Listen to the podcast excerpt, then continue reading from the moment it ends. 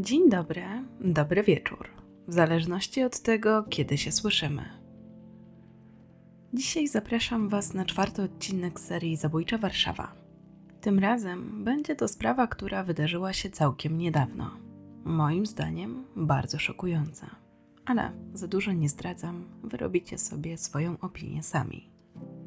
Zachęcam Was jeszcze do subskrypcji podcastu, aby być na bieżąco ze wszystkimi odcinkami. Dziękuję też za wszystkie udostępnienia i polecenia podcastu. Bardzo to dla mnie zawsze miłe, jak właśnie widzę na przykład na Instagramie, że słuchacie i w jakich okolicznościach to robicie. A jeśli jesteście ciekawi, jak wyglądają kulisy mojej pracy, to właśnie zapraszam Was na Instagram, gdzie czasami wrzucam, co tam się u mnie dzieje, co tam robię, więc znajdziecie mnie pod nazwą Kryminalne. A teraz zapraszam do wysłuchania dzisiejszej historii.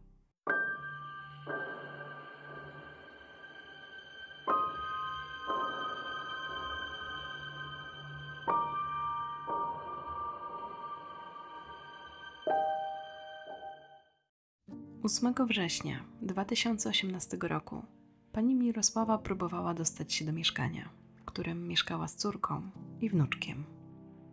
Dzwoniła i pukała, ale nikt nie otwierał. Była pewna, że powinni być w mieszkaniu. Drzwi jednak były zamknięte, a ona nie mogła ich otworzyć. Z każdą minutą czuła coraz większy niepokój. W końcu uznała, że nie ma wyjścia zadzwoniła po ślusarza. Niedługo po tym mężczyzna przyjechał na miejsce i na prośbę pani Mirosławy otworzył drzwi. Widok, jaki tam zastali, sprawił, że kobiecie zrobiło się słabo. Zadzwoniła na policję. Około godziny 17 na miejscu pojawili się funkcjonariusze. Policjantów było naprawdę wielu. Sprawa wyglądała poważnie. Przez kilka godzin zabezpieczano miejsce i dokonywano oględzin. Nie było wątpliwości. Wszystko wskazywało na to, że doszło do zabójstwa. A ofiarami byli 35-letnia Monika oraz jej 3-letni synek Oskar. Leżeli na podłodze. Chłopiec miał buzię skierowaną w stronę mamy, jakby ktoś go tam ułożył. Jeszcze o 15 Monika rozmawiała ze swoją mamą planach było też spotkanie Oskarka z tatą, który tego dnia po niego się wybierał. Co się wydarzyło? Kto mógł zabić matkę i dziecko? Teraz śledczy musieli to ustalić. Wkrótce policja wydała oświadczenie. W lokalu przy ulicy Nowowiejskiej znaleziono dwa ciała kobiety oraz jej dziecka. Makabrycznego odkrycia dokonała matka kobiety. Na ten moment wszczęto śledztwo i więcej szczegółów nie ujawniono. Ale już te informacje wystarczyły, aby media bardzo szybko podchwyciły temat, a sprawa wstrząsnęła nie tylko całą Warszawą, ale i Polską. 35-letnia Monika pochodziła z okolic Ostrowi Mazowieckiej. Miała ze sobą nieudane małżeństwo w 2016 roku rozwiedła się z mężem Piotrem. To on był ojcem Oskarka. Nie do końca potrafili się dogadać. W końcu sąd przyznał im rozwód i orzekł, że to z winy Moniki. Później kobieta chciała wrócić do męża, ale ten nie chciał już tego. Wolał, żeby nie byli parą, choć w życiu Oskarka dalej zamierzał być i dalej o niego dbać. Uznał, że zostawi mieszkanie Monice i synowi, a sam będzie się po prostu regularnie z nim widywał. To nie do końca jednak podobało się Monice, która czasami utrudniała te kontakty, licząc, że w ten sposób namówi Piotra do powrotu. W końcu jednak pogodziła się z rozstaniem i postanowiła na nowo ułożyć sobie życie. W kawalerce przy ulicy Nowowiejskiej mieszkała z synkiem i mamą. Od pewnego czasu zaczął też tam bywać jej nowy partner, Artur. Piotrowi nie przeszkadzało to, że kobieta układa sobie życie. Dla niego liczyło się tylko to, żeby mieć kontakt z Oskarkiem. Reszta nie miała znaczenia. O mówił, że może i żoną dobrą nie była, ale o syna zawsze dbała. i starała się, aby ten miał wszystko.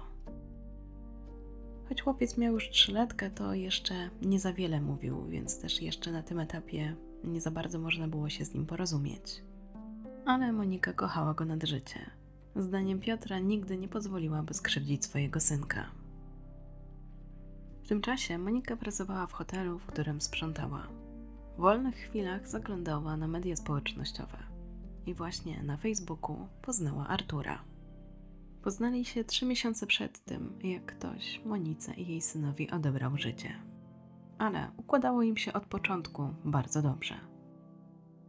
Monika była drobną kobietą, więc przy Arturze, który był bardzo umięśniony i wysoki, wyglądała na jeszcze drobniejszą. Być może to sprawiało, że czuła się przy nim bezpiecznie. Widywali się regularnie i kobieta dosyć szybko się zakochała. Uczucie było odwzajemnione i parze na tyle dobrze się układało, że zdecydowali, że wkrótce wezmą ślub. Na datę wyznaczyli 22 września. Przygotowali na tę okazję nawet taką specjalną kłódkę, na której można wyryć jakieś napisy, tam wyryli swoje imiona oraz datę ślubu i planowali ją zawiesić na moście, jako taki symbol ich wiecznej miłości. Był tam też napis na zawsze razem. Bliscy Moniki o Arturze wiedzieli to, że jest blacharzem samochodów. Sprawiał na nich dobre wrażenie. Mimo swojej postury, którą początkowo budził lekki niepokój, to przy bliższym poznaniu zyskiwał, wydawał się sympatyczny, opiekuńczy, troskliwy. Rodzina kobiety chciała wierzyć, że ta trafiła na kogoś odpowiedniego, kto zajmie się nią i Oskarkiem. I o tym, że te plany były naprawdę poważne, może też świadczyć to, że Monika, jak i jej mama poznały także rodziców Artura. Ci wydawali się być zadowoleni, że syn wkrótce się żeni. Zapewniali, że przy Arturze Monice nawet jeden włos z głowy nie spadnie. Śledczy dosyć szybko ustalili, że prawdopodobnie ostatnią osobą, która widziała Monikę żywą, był właśnie Artur. Postanowili też odtworzyć wydarzenia, które miały miejsce 8 września. To właśnie wtedy pojawiła się zaskakująca informacja. Tego dnia 40-letni Artur wyszedł rano z więzienia na przepustkę. Osadzony był w więzieniu na Bemowie, czyli w oddziale zewnętrznym zakładu karnego na Białęce. Otrzymał jednodniową przepustkę. Jakiś rok wcześniej został przeniesiony na oddział o zmniejszonym rygorze, który znajduje się przy ulicy Kocjana na Bemowie. Oznaczało to, że od tej pory kontynuował odbywanie kary w warunkach oddziału otwartego. To też sprawiało, że łatwiej tu było o przepustkę. Ale to nie wszystko, co zaskoczyło śledczych. Po pierwsze, okazało się, że mężczyzna przebywa w więzieniu od 2004 roku. Jak to się więc stało, że regularnie spotykał się z Moniką? Odpowiedź przyszła bardzo szybko. Wyszło, że w trakcie pobytu w więzieniu na Bemowie wychodził na przepustki ponad 90 razy. I może by to dziwiło mniej, gdyby nie informacja, za co mężczyzna został skazany. Bo wkrótce okazało się, że za morderstwo i to swojej ówczesnej dziewczyny. Jak więc to się stało, że człowiek skazany za taką zbrodnię był tak często na wolności? I z jakiego w ogóle powodu otrzymywał te przepustki? To teraz śledczy chcieli ustalić. 8 września mężczyzna otrzymał przepustkę, ponieważ uczestniczył w biegu pod Warszawą. Dokładniej miało to miejsce w Żabieńcu, koło Piaseczna, a nazwa tego biegu to Frog Race. I faktycznie w trakcie tego biegu zrobiono mu zdjęcie. Przed biegiem mężczyzna miał jeszcze zawitać do rodziców. Tam się przebrał, wziął swoje kieszonkowe, a następnie planował właśnie wziąć udział w biegu i później spotkać się ze swoją narzeczoną. Mężczyzna oświadczył się jeszcze w czerwcu. Monika przyjęła te oświadczyny i jak wspomniałam jeszcze we wrześniu, planowany był ślub. Gdy Artur brał udział w biegu, Monika była w mieszkaniu i szykowała obiad. Czekała, aż jej partner przyjedzie i spędzą ze sobą trochę czasu. Czy kobieta wiedziała o tym, że mężczyzna przebywa w więzieniu? Według jej znajomej tak, ale nie za co. Była pewna, że za rozboje i napady. Jednak były osoby, które uważały, że Monika wiedziała wszystko, tylko nie chciała się innym do tego przyznać. Artur, który miał około 2 metrów wzrostu, ważył około 120 kg i miał mnóstwo tatuaży, od razu sprawiał wrażenie groźnego. Dlatego też informacja o tym, że miał jakiś zatarg z prawem, nie zdziwiła jej znajomych. Wierzyli jednak w słowa mężczyzny, który deklarował, że się nawrócił, że teraz chce sobie ułożyć życie, że to były błędy młodości. Monika wydawała się szczęśliwa i choć znajomi martwili się o nią, to wiedzieli, że i tak zrobi po swojemu. O tym, co się stało dokładnie 8 września w mieszkaniu Moniki, pewnie nie dowiemy się już nigdy. Bo jedyną osobą, która zna prawdę jest Artur, a on nie do końca był gotów podzielić się tą historią. Gdy mężczyzna wrócił z biegu do mieszkania Moniki, to wziął prysznic. Następnie doszło prawdopodobnie do kłótni. To właśnie wtedy Monika miała wykonać telefon do mamy. Pani Mirosława wspominała, że około 15 Monika zadzwoniła do niej roztrzęsiona. W programie Uwaga opowiadała, że córka przekazała jej, że Artur dał jej do wiwatu, że powyrzucał wszystko z szuflad i że jak przyjedzie do domu, to będzie dużo sprzątania. Tak się złożyło, że akurat tego dnia była 100 km od Warszawy. Jednak gdy usłyszała swoją córkę, to uznała, że musi wrócić szybciej do domu. Niestety, albo i na szczęście, uciekł jej autobus i musiała poczekać na następny. Być może, gdyby była wtedy z Moniką i Oskarkiem w tym mieszkaniu, to i ona straciłaby życie. Na tym etapie wszystko wskazuje na to, że to Artur jest głównym podejrzanym. To właśnie on podejrzewany jest o to, że własnymi rękami udusił Monikę i Oskarka a po wszystkim włożył kobiecie do ust ręcznik, a dziecku ścierkę. Dlaczego to zrobił? Śledczy chcą zrozumieć jego motywację, ale żeby tak się stało, muszą go zatrzymać. Jest tylko pewien problem.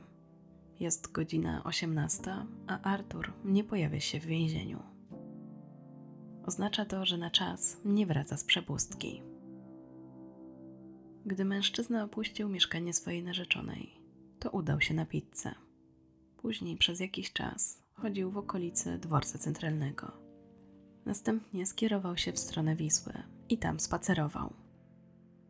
W końcu zdecydował się pozbyć telefonu. Tam też zniszczył swoją kartę SIM i wyrzucił do Wisły. To samo zrobił z kluczami od mieszkania Moniki. Mężczyzna przez cały ten czas zastanawiał się, co zrobić. W końcu złapał autobus, który jechał w stronę stadionu Legii. Tam wysiadł, a następnie ruszył w stronę pobliskiego parku. Jeszcze kilka godzin zastanawiał się, co zrobić. W końcu zapadła decyzja. Uznał, że zgłosi się na komendę. Zrobił to około godziny pierwszej w nocy. Na komisariacie Artur opowiedział swoją historię. Powiedział, że tego dnia był na przepustce, że powinien stawić się w więzieniu o 18, ale tego nie zrobił. I to nie wszystko, bo zrobił też coś gorszego. Opowiada, że w przypływie emocji właśnie kogoś zabił swoją narzeczoną i jej dziecko. Twierdzi, że kobieta nie za dobrze wypowiadała się o swoim synu, że nie dorosła do bycia matką że był zdenerwowany. A potem przerywa i dalszą swoją historię kontynuuje dopiero przy prokuratorze. Na wszystko mężczyzna ma jedno wyjaśnienie, które przekazuje zarówno swoim rodzicom, jak i prokuratorowi. To szatan. Szatan go opętał. Sam nie jest pewien, co się wydarzyło Uważa, że miał jakieś halucynacje, że wszedł w niego szatan i to on dokonał tej zbrodni. Śledczy, słuchając jego historii, patrzą na jego nadgarstek.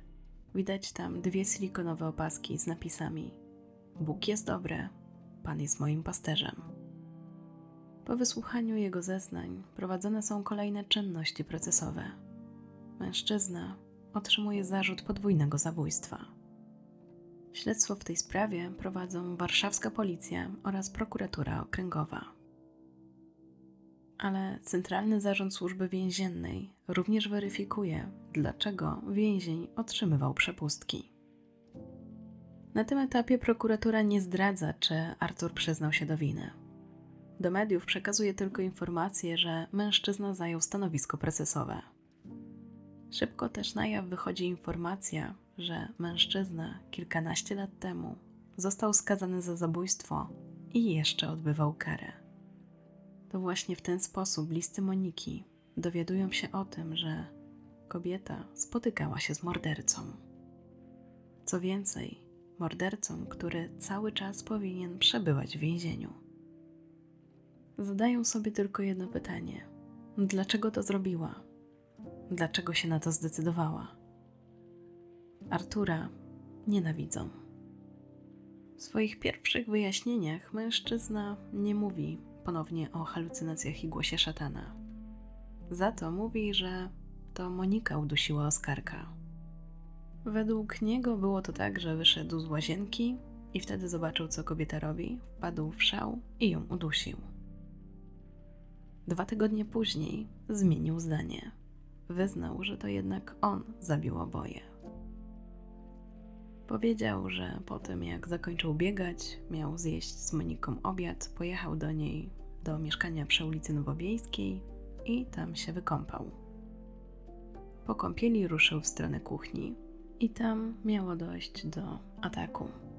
Ale jakie są okoliczności, tego nie wiadomo.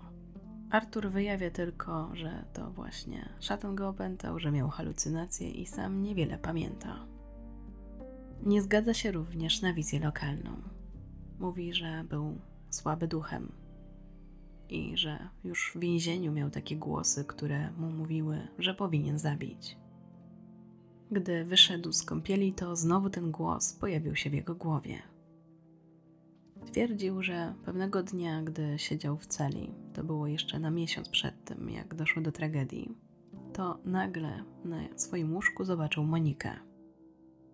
To oczywiście były omamy, ale wynikało z nich, że musi się jej pozbyć. Twierdził, że to on mu kazał.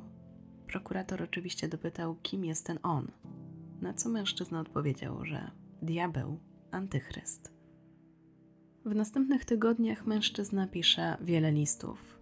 Opowiada w nich o tym, jak to szatan go opętał, jak to się cieszy, że jest przy nim Jezus. Twierdzi, że całe jego życie się odmieniło, gdy Jezus Chrystus pojawił się w jego życiu. W jednym z listów odnosi się także do Renaty, czyli swojej pierwszej dziewczyny, którą zabił kilkanaście lat wcześniej. Opowiada, że również i ją zobaczył w szatańskiej postaci. Następnie twierdzi, że dzień przed tym, jak dokonał zbrodni, miał taką wizję, jak Monika zabija Oskarka. Był przekonany, że przez to, że się nawrócił, to teraz jest jakby takim łakomym kąskiem dla szatana i że cały czas dobro walczy ze złem. Dlatego też występował o egzorcystę psychologiem nie chciał rozmawiać. Pracownicy służby więziennej, którzy mieli nadzór nad Arturem oraz brali udział w jego resocjalizacji, byli w szoku.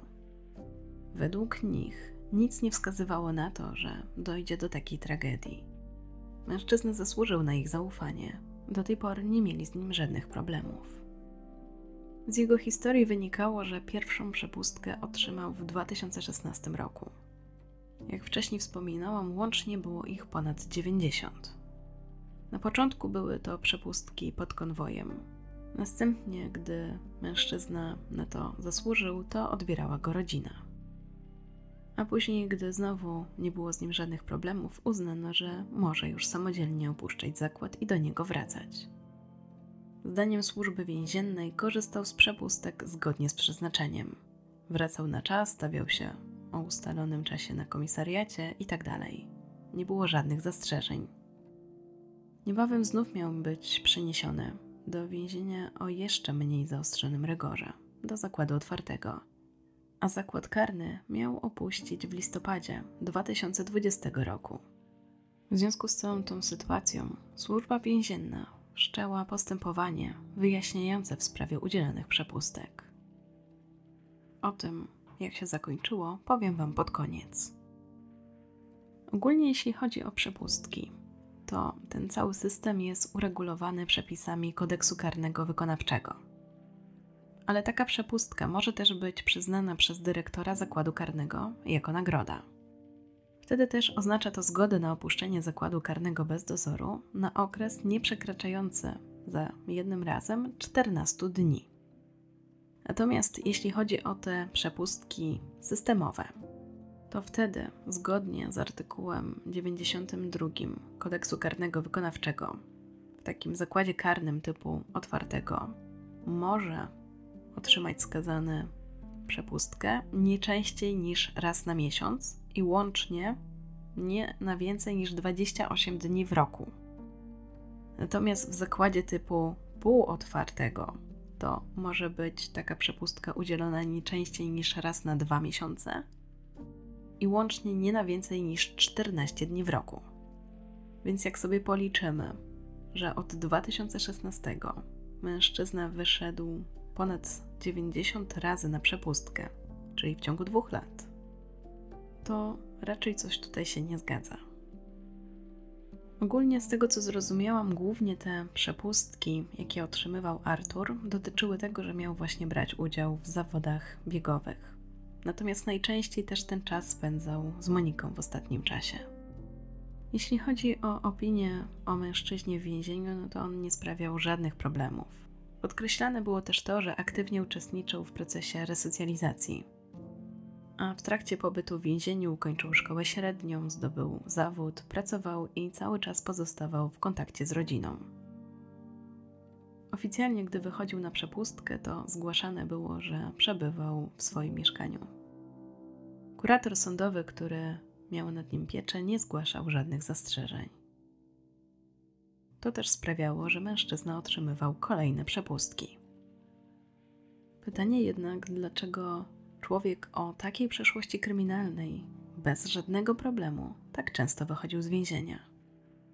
Bo okazało się, że to nie tylko morderca, ale także człowiek oskarżony o pobicie i porwanie trzech mężczyzn, za co również został skazany.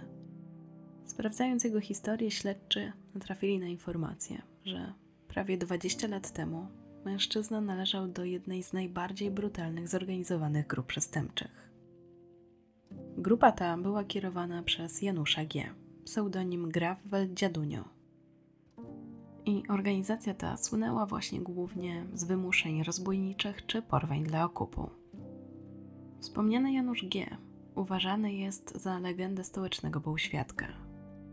Mężczyzna został zatrzymany w grudniu 2005 roku.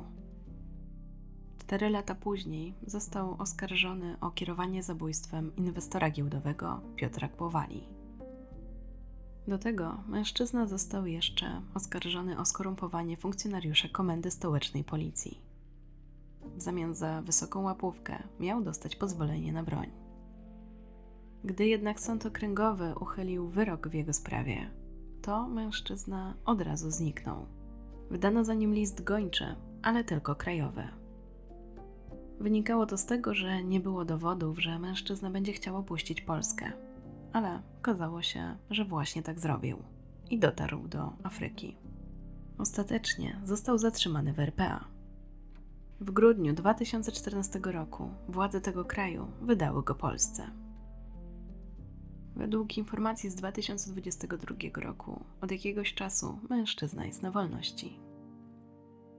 I to właśnie z nim miał działać Artur. Gdy w 2004 roku mężczyzna został skazany za morderstwo, Okazało się, że trzy lata wcześniej wziął udział w porwaniu i pobiciu trzech mężczyzn. Wtedy też otrzymał wyrok skazujący na cztery lata pozbawienia wolności. Sąd jednak zdecydował się połączyć te wyroki wyrok za morderstwo oraz za to porwanie i pobicie co w efekcie sprawiło, że wyrok skrócił się o dwa lata. Niedługo po tym mężczyzna zaczął też korzystać z jednodniowych przepustek. Nie było też tak, że od początku Artur był wzorowym więźniem. Na początku w jego kartotece widniały liczne informacje o tym, że wymierzano mu kary dyscyplinarne. Nawet był umieszczany w celi dla osób niebezpiecznych. Miał też zażywać narkotyki. Ale w 2015 roku coś się zmieniło. Stwierdził, że nie chce już należeć do żadnych nieformalnych struktur podkultury przestępczej. Następnie wstąpił do Kościoła Zielonoświątkowców i zaczął być bardziej religijny. Chociaż niektórzy uważali, że ta decyzja o wstąpieniu do tego kościoła nie była przypadkowa. Podobno więźniowie, którzy należeli do Kościoła Zielonoświątkowców, mogli liczyć na specjalne traktowanie przez więziennego wychowawcę. Jednak Artur wydawał się być naprawdę oddany swojej nowej drodze. Na tyle poczuł bliskość z Bogiem, że nawet swoich rodziców namówił na to, aby dołączyli do jego kościoła. Poznając go w tamtym czasie, wydawałoby się to aż niemożliwe, że ten sam człowiek w 2004 roku dokonał tak potwornej zbrodni. To w tamtym czasie pozbawił życia swojej dwudziestoletniej dziewczyny, Renaty.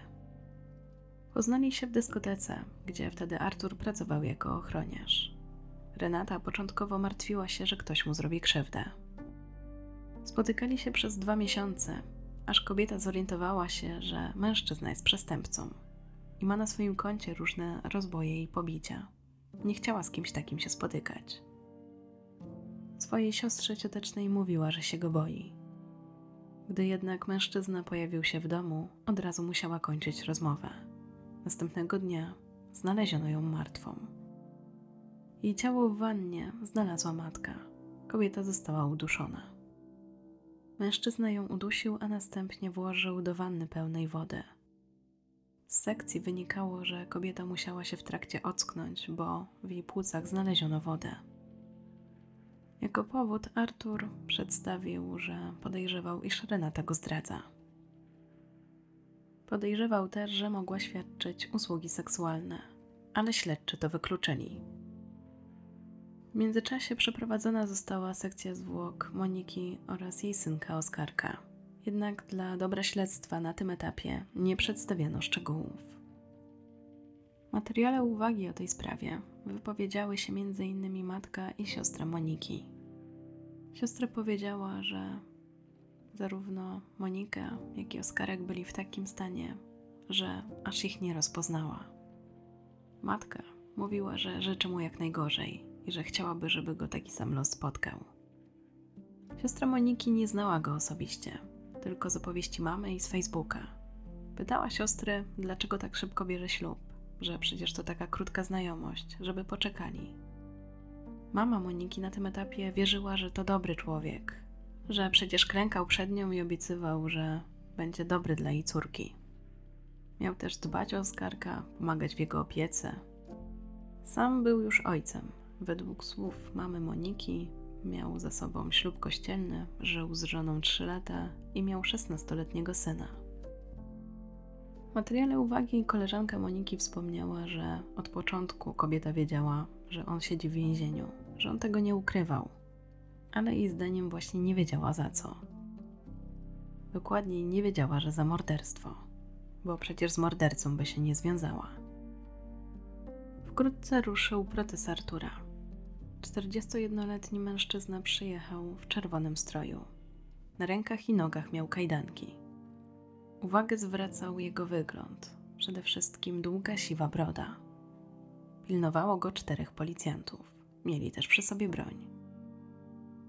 Przez cały ten czas od zatrzymania przebywał w areszcie w Radomiu, w jednoosobowej celi, cały czas pod okiem kamer.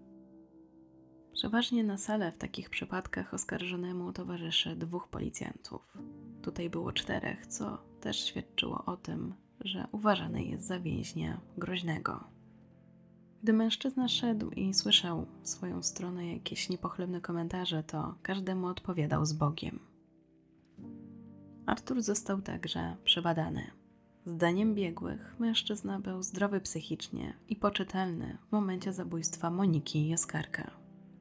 Odnotowano jednak u niego dysocjalne zaburzenie osobowości.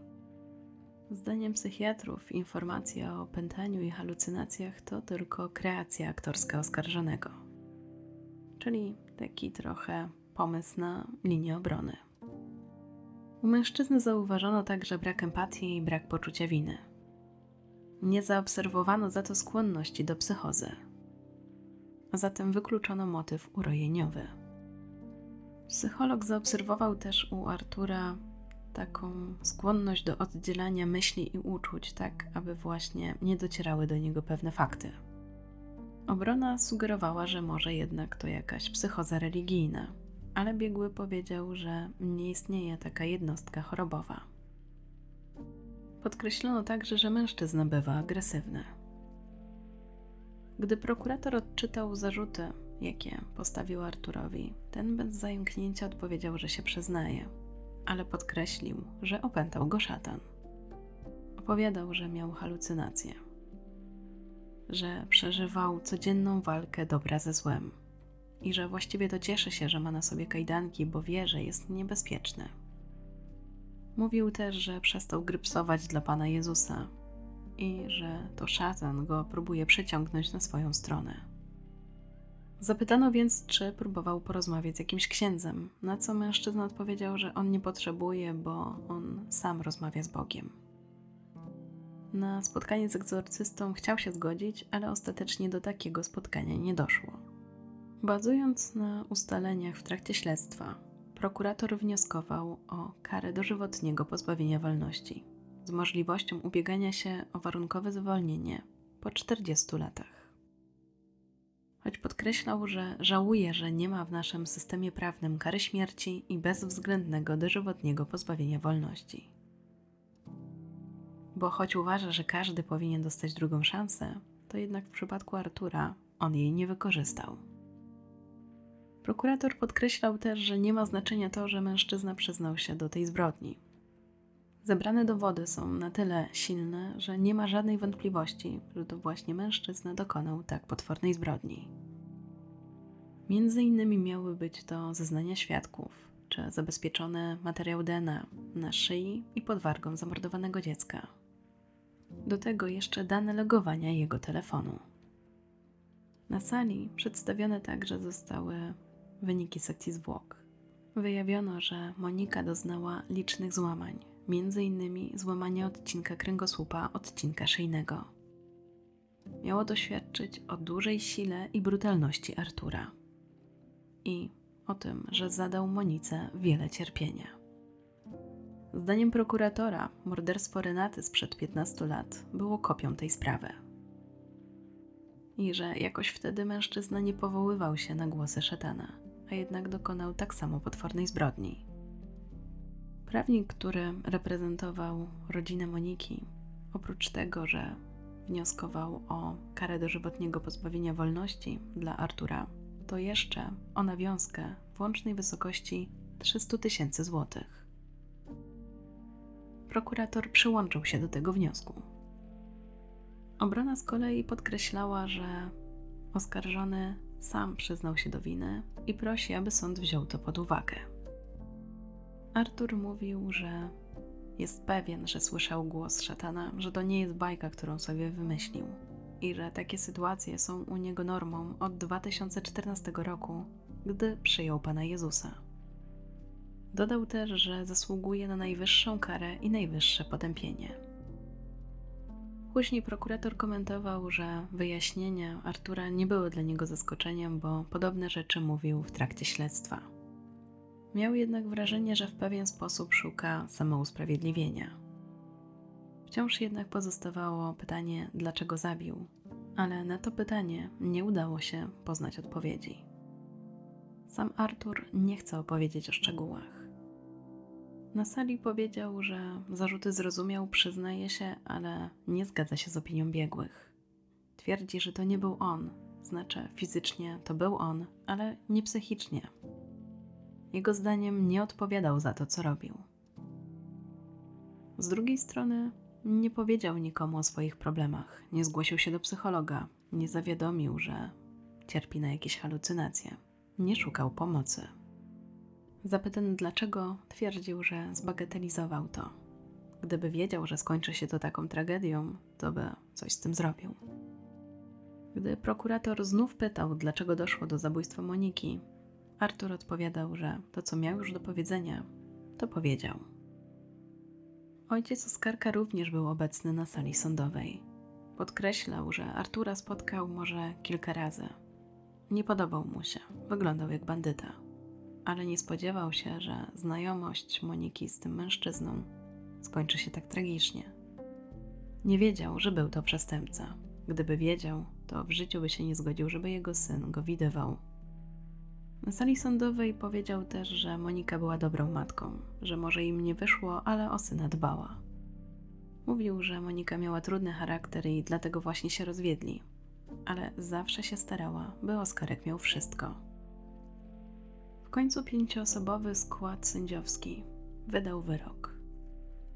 Artur K. został skazany na dożywocie z możliwością warunkowego zwolnienia po 40 latach. Dodatkowo sąd nakazał wypłacenie odszkodowania w wysokości 300 tysięcy złotych. Wyrok był nieprawomocny. W czasie odczytywania wyroku Artura nie było na sali. Sędzia przepraszał za to, że wielokrotnie wypuszczano go na przepustkę. Jego zdaniem aparat państwa nie zadziałał prawidłowo. W uzasadnieniu sędzia podkreślił też, że może i Arturka ma zaburzenie osobowości, ale to nie wpływa na jego poczytalność. I jest to osoba wysoce niebezpieczna wielokrotny zabójca. W trakcie swojej wypowiedzi mężczyzna przytoczył także fragmenty opinii sądowo-psychiatrycznej, że w relacjach z ludźmi Artur prezentował styl agresywno-sadystyczny i że w skrajnych sytuacjach może ujawniać okrutne i sadystyczne zachowania.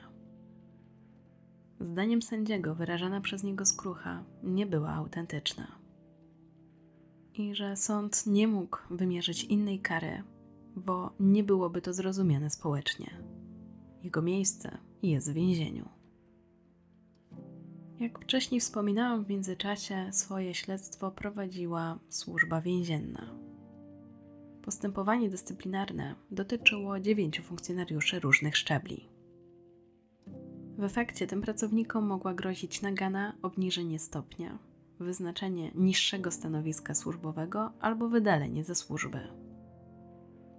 Rzeczniczka przyznała, że funkcjonariusze zbyt liberalnie udzielali przepustek skazanemu i tylko pobieżnie je kontrolowali. Łącznie naliczono 99 przepustek dla Artura K. Ostatecznie dwie osoby ukarano naganami. Dwóm kolejnym wymierzono kary dyscyplinarne. Pozostałe osoby nie otrzymały kary. Po wyroku pełnomocnik Artura złożył apelację. Głównie podważano opinię sądowo-psychiatryczną. Zdaniem adwokata opinie były niepełne, niejasne i wewnętrznie sprzeczne, a także nie uwzględniały obowiązującej międzynarodowej klasyfikacji chorób ICD-10. Oznaczało to, że wciąż obrona chce udowodnić, że mężczyzna był niepoczytalny. Ale w czerwcu 2020 roku Sąd Apelacyjny w Warszawie podtrzymał wcześniejszy wyrok. Oznacza to, że o przedterminowe wyjście z więzienia mężczyzna będzie mógł się ubiegać najwcześniej 8 września 2058 roku. W uzasadnieniu sędzia powiedział: Charakter tej sprawy, okrutne i drastyczne okoliczności tego zabójstwa mówią nam jedno. Mamy do czynienia z bardzo złym człowiekiem, który nie powinien już nigdy zaznać chwili wolności. Wyrok został utrzymany zarówno w kwestii liczby lat pozbawienia wolności, jak i kwoty, którą Artur ma zapłacić rodzinie Moniki i Oskarka. Wyrok obecnie się uprawomocnił. Kasacja do Sądu Najwyższego została odrzucona. Na koniec o sprawie wypowiedział się jeszcze Rzecznik Praw Obywatelskich, który podkreślił, że rozumie ból osób najbliższych ofiarom i wyraża współczucie, ale sugerowanie, że Wszystkiemu winien jest system przepustek, jest działaniem nieodpowiedzialnym i wręcz groźnym społecznie. Czyli mówiąc prościej, że nie powinniśmy obwiniać tego systemu, bo w większości przypadków działa on dobrze, a tutaj mieliśmy wyjątek. Tylko sami przyznacie, że ten wyjątek doprowadził do tragedii. I faktycznie wydaje się, że zbyt liberalnie potraktowano więźnia taką historią. I to wszystkie informacje, jakie znalazłam na temat tej sprawy. Jestem ciekawa, co wy o niej sądzicie i co uważacie o tym systemie przepustek. Czy więźniowie skazani za morderstwo powinni mieć takie przepustki, czy nie? A jeśli tak, to według Was na jakich zasadach? Dajcie znać, co o tym sądzicie. A ja z góry dziękuję za Wasze komentarze, dziękuję za subskrypcję, łapki w górę, udostępnienie odcinka i wspieranie mnie na YouTube oraz Patronajcie. A zwłaszcza patronom Rafałowi, Przemysławowi, Magdzie i Annie. Bardzo, bardzo Wam dziękuję.